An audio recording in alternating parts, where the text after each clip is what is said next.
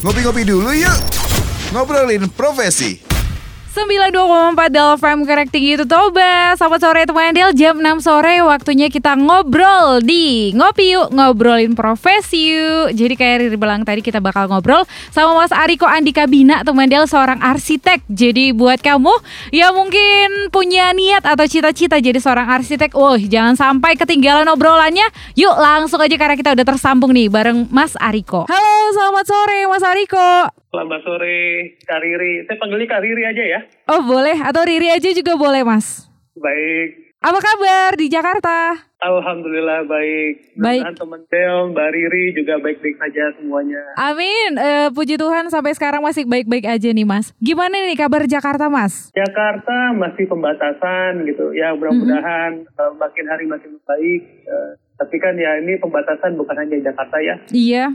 Juga perlu membatasi diri semua. Berarti untuk Mas Ariko sendiri nih sebagai arsitek kan kita mau ngobrol tentang profesi Mas sebagai arsitek. Ada nggak sih gangguan banyak karena pandemi ini Mas? Tentu ada kendala ya. Kita kalau eh, apa ada beberapa pekerjaan mungkin yang terpaksa ditunda gitu ya. Heeh. Karena pandemi ini ekonomi juga melambat. Oke. Eh, tapi ada beberapa, pekerjaan yang tetap kita apa alhamdulillah masih bisa kita kerjakan. Mhm. Eh, kendalanya kalau lagi koordinasi dengan tim Mm-mm. Mungkin jadi terhambat juga sekarang online kan. Iya, Ternyata bertemu tatap muka itu tidak bisa digantikan dengan online ya.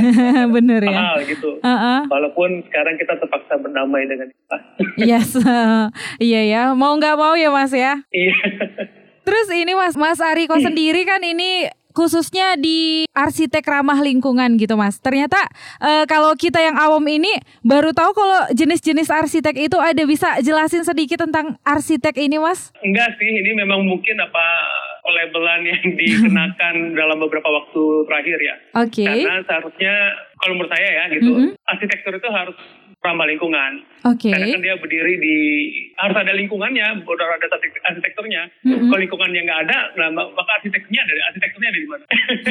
Benar-benar. Berarti itu ya. Tapi apakah Mas sendiri memang mengkhususkan untuk lingkungan atau memang sebenarnya karena lebih sering ke lingkungan gitu jadinya? nggak mengkhususkan diri sih karena apa yang kemudian mungkin kita selalu kalau di waktu di perguruan tinggi ya kita selalu dididik eh, bahwa kemudian bagaimana arsitektur itu nggak hanya ngomongin kepentingan klien Mhm. tapi ada kepentingan super klien Oke. nah super klien itu masyarakat dan lingkungannya gitu. Oh. Jadi kita harus walaupun kemudian diberikan pekerjaan oleh klien tapi kita selalu diminta untuk menjawab pertanyaan-pertanyaan yang diberikan oleh super klien gitu ya masyarakat dan Mhm. juga lingkungannya gitu. Oke, berarti eh, artinya bangunan yang dibangun itu juga memang harus aman untuk masyarakat sekitar gitu ya Mas ya? wajib Oke. Terus kita penasaran juga kan Mas Ariko nih dulu di perguruan tinggi ngambil eh, arsitek gitu. Apakah dari kecil nih pengen jadi arsitek atau gimana ceritanya nih Mas? Nah, itu tuh ceritanya. kalau dari kecil sempat ada percabangan lah ya mbak. Kalau Oke. karena kalau dari kecil selalu ada ingin yang lain-lain gitu ya. Mm-mm. Jadi waktu SMA sempat ingin ke IT, sempat Oke. ke yang lain-lain gitu. Tapi ya setelah menimbang banyak hal, akhirnya me- membulatkan keputusan Mm-mm. ambil jurusan arsitektur aja deh. Oh, memang tertarik di bidang itu ya? Iya, kebetulan gitu. Tapi justru memahaminya lebih baik ketika di perguruan tinggi ya. Hmm. Jadi kita ngerti, oh arsitektur itu ini ya. Hmm. Nah itu yang apa? Karena rentangnya jadi lebar banget. Oke, enggak seperti eh, seperti yang dibayangkan sebelumnya gitu ya. Ternyata ketika Iya. masuk ke dalam, oh ternyata begini gitu kira-kira ya. iya benar.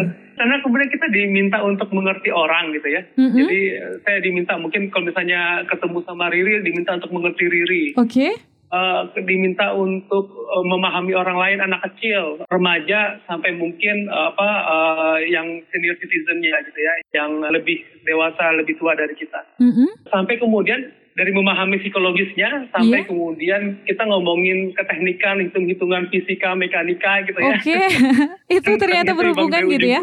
Mm-mm. Aku masih bingung nih mas, hubungan dari psikologi si orangnya ke arsitektur itu gimana ya mas? Nah itu kan pertanyaannya kalau kita mau buat satu karya arsitektur gitu ya. Oke, Saya bikin rumah untuk Mbak Riri misalnya. oke. Eh, Tanya saya Riri mau rumah yang apa? Aku yang minimalis. Tapi eh, ada apa namanya taman-tamannya gitulah, lingkungannya juga ada gitu di sekitar rumah. Tujuannya minimalis dan taman-taman itu apa? Eh supaya lebih nyaman dan homey gitu di rumah, Mas. Nyaman dan homey di rumah. Iya. Berarti dengan demikian nyaman dan homey di rumah kan untuk membuat Riri bahagia kan? Iya benar. Iya. Bagaimana kita membuat orang lain bahagia dengan karya arsitektur kita? Hmm, berarti itu gunanya kita eh, mengenali si orang ini gitu ya, Mas ya. Supaya kita tahu apa yang buat dia bahagia di rumah itu gitu ya. Iya. Wow, ternyata ada psikologi arsitek juga nih ya. Nice. Terus eh, Mas Ariko, ini penasaran kalau job desk-nya arsitek itu sebenarnya apa sih? Apakah hanya misalnya menggambar bangunan atau bahkan lebih luas dari situ? Nah, itu dia. Memang apa pemahamannya banyak orang arsitek itu tukang gambar. gitu Oke. ya. Jadi yang yang dilakukan menggambar. Heeh. Pertanyaannya kalau menggambar sebenarnya ada disiplin ilmu lain yang juga uh, melakukan tugasnya dengan menggambar. Oke. Nah, sebenarnya gambar itu uh, bukan yang ya penting sih untuk arsitek ya. Mhm. Tapi sebenarnya kita gunakan hanya sebagai alat medium Oke. untuk mentranslasikan, menerjemahkan hal-hal yang abstrak. Mm-mm. Nah, abstrak itu seperti tadi Mbak, Oke. eh, saya mau bikin rumah untuk Riri, rumah Mhm. yang bikin Riri dan keluarga bahagia. Oke. Bahagia itu kan abstrak ya. Ya, benar. Nah, saya Benar-benar. terjemahkan eh, benda yang abstrak itu Heeh. menjadi satu karya arsitektur, mediumnya gambar, medium translasinya, medium menerjemahkannya. Oke. Agar bisa diterjemahkan, nanti kalau misalnya dikerjakan oleh siapa pun, Mm-mm. benda yang membuat bahagia itu bisa dibangun. Hmm. Gitu. Nah itu mungkin perbedaannya sama misalnya gini, eh, apa bedanya arsitek sama seniman? Gitu Oke, kan? Seringkali iya. juga ada ada kalanya dikait-kaitkan. Oke. Kalau seniman mungkin ya, saya bisa jadi salah, tapi bisa jadi eh, punya kecenderungan untuk menjadikan sesuatu yang awalnya nyata Mm-mm. menjadi abstrak, Oke. gitu ya.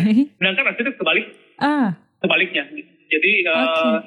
kita membuat yang abstrak tadi, Menjadi- yang bahagia, yang misalnya rumah yang eh, puitis gitu ya ah. bagaimana menerjemahkan itu menjadi karya arsitektur yang tadi yang bisa menjelaskan abstraksinya. Hmm, jadi lebih nyata gitu ya. Membuat ke Iya. kenyataan. Ternyata kebalik ya, Iya. walaupun memang sama-sama nih Mas ya, seniman sama arsitek, sepertinya memang kreativitasnya harus tinggi gitu ya. Imajinasinya harus tinggi gitu ya. Mm. Terus untuk tugas-tugas arsitek nih Mas, eh, dari misalnya dia sudah buat desain untuk eh, bangunan detail gitu, apakah untuk arsitek itu dia akan terus memantau sampai nanti bangunannya selesai, terus dia yang akan juga mengawasi gitu atau gimana nih Mas? Betul sampai sampai selesai seharusnya. Sampai selesai ya? Betul karena makanya pemahaman sekarang kan hanya bikin gambar ya mungkin Iya. banyak banyak masyarakat kita memahami kerjaan arsitek itu sampai gambar makanya kemudian dinilai arsitek itu tukang gambar gitu ya. Mm, mm, mm, mm. Padahal pekerjaan arsitektur itu adalah menghasilkan karya arsitektur. Hmm. Karya arsitektur dibangun. Berarti harus dia memastikan semua sesuai dengan rencana gitu ya Mas ya? dia memastikan semua sesuai rencana atau dia menjaga rencana itu. Jadi bisa aja kan kita proses ya. Ah, ah, ah. Jadi eh, yang dikejar outcome, bukan kalau output kan berarti dia udah strict maka yang direncanakan A maka dia harus jadi A. Oke. Kalau outcome itu bisa jadi eh, direncanakan A tapi bisa jadi akhirnya eh, absen karena ada proses. Oke. Nah prosesnya itu yang perlu diperhatikan dia jaga agar kemudian tidak lari dari koridornya. Oke, kalau begitu. Ternyata agak ribet juga sebenarnya ya tugas arsitek ya.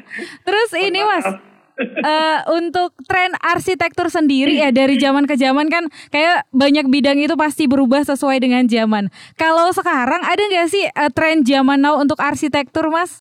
Zaman now apa ya? zaman sekarang.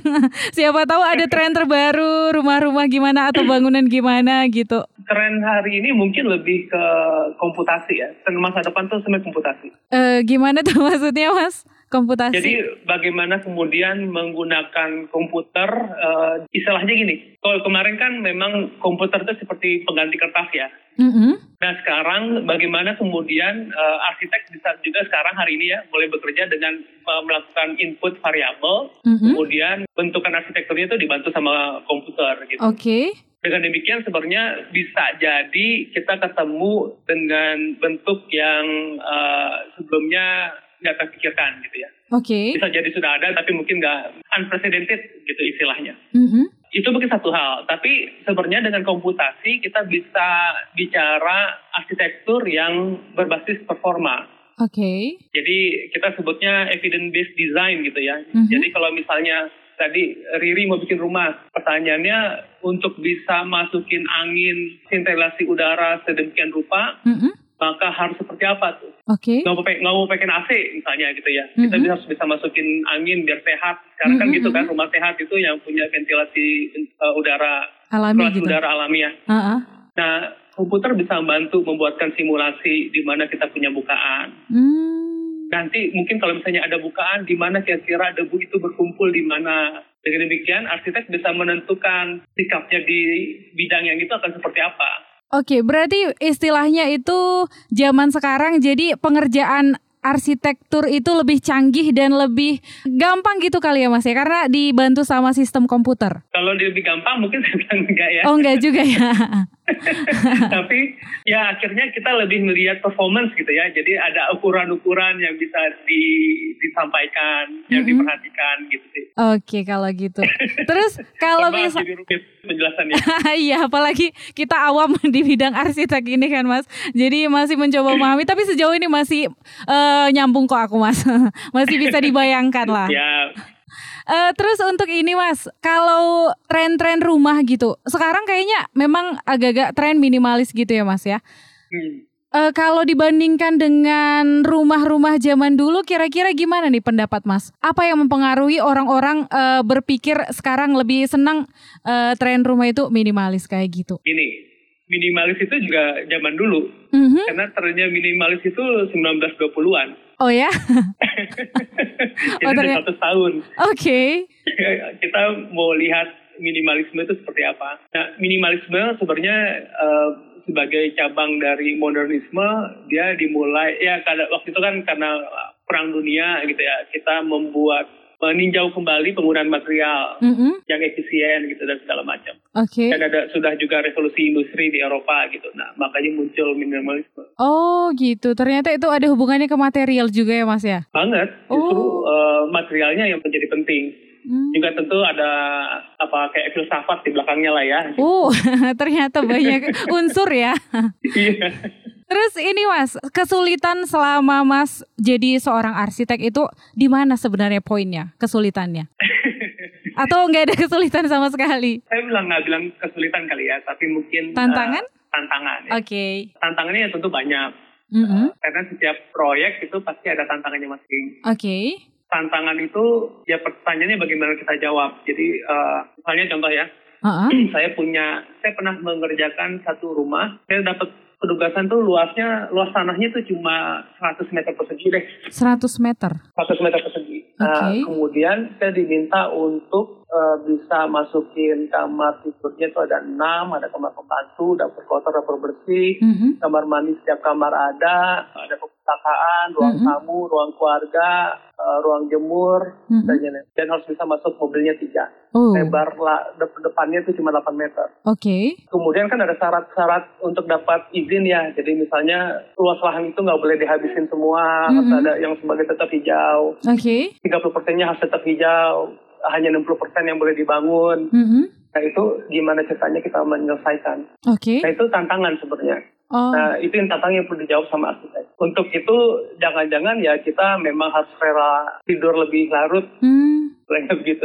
Oke. Berarti memang berpikirnya itu ya Mas ya. Iya.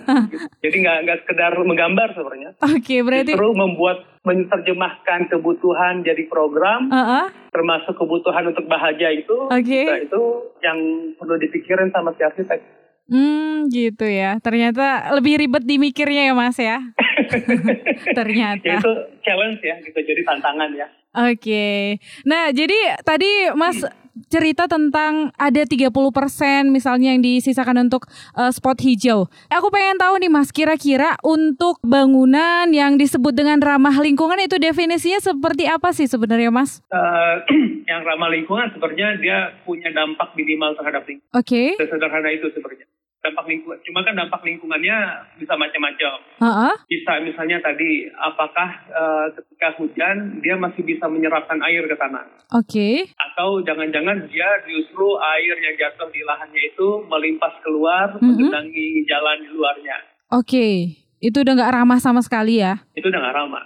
Terus contoh lainnya mas supaya kita juga bisa lebih yang kayak gini, oh nggak ramah lingkungan, misalnya kayak gitu. Oh ini ramah lingkungan gitu, jadi kita bisa bedain gitu. Ada beberapa yang lain sih mungkin Ri. Jadi Mhm. misalnya kayak misalnya gini, yang kita tuh take it for granted eh, nggak pernah mau apa menimbang-nimbang tuh sebenarnya oksigen. Oke, Kita mau terus hari ini kan oksigen mahal ya iya, dengan dengan pandemi ini. Gitu. iya benar. Kemampuan bernafas itu menjadi kemewahan tersebut. Mhm. Nah tapi sebenarnya pertanyaannya sejauh mana kemudian kita juga menghasilkan oksigen di lahan sendiri. Oke, Itu sih. Jadi kalau selama ini kan semua kegiatan kita tuh ngeluarin karbon sendiri. oke, mulai dari apa masak, eh, Mhm. berpergian, eh, bahkan ke dalam rumah pakai AC, menggunakan listrik, itu Mhm. pasti semua isinya karbon. oke. Nah pertanyaannya, ya bagaimana kita bisa menyimbangkan dengan menyediakan oksigen di lahan kita? Hmm. Mungkin nggak optimal, tapi harusnya ada yang nggak jangan kemudian di semuanya di beton gitu ya. Oke, oke. Gitu harus ada yang bisa ditanam, ada yang bisa menyerapkan air, ada yang bisa menghasilkan oksigen. Gitu. Hmm. Karena itu kan oksigen yang kita hirup juga. Oke, berarti eh, keseimbangannya ketika ada pepohonan dan tanaman mungkin itu bisa menyeimbangkan gitu kira-kira ya, Mas? di antaranya ya gitu dari sekian banyak hal lain mungkin itu sekelumit aja Oke, baik kalau gitu. Eh ini yang terakhir, Mas. Kira-kira apa nih pesan Mas Ariko untuk teman Del yang lagi dengerin kita, apalagi mungkin yang punya niat atau punya cita-cita pengen jadi arsitek juga? nah untuk teman Del yang mungkin di tahun mendatang atau di masa mendatang pilih untuk ambil jurusan arsitektur Mm-mm. pastikan sebenarnya kalau buat saya gini apa pun sebenarnya dipilih oleh teman Del Oke.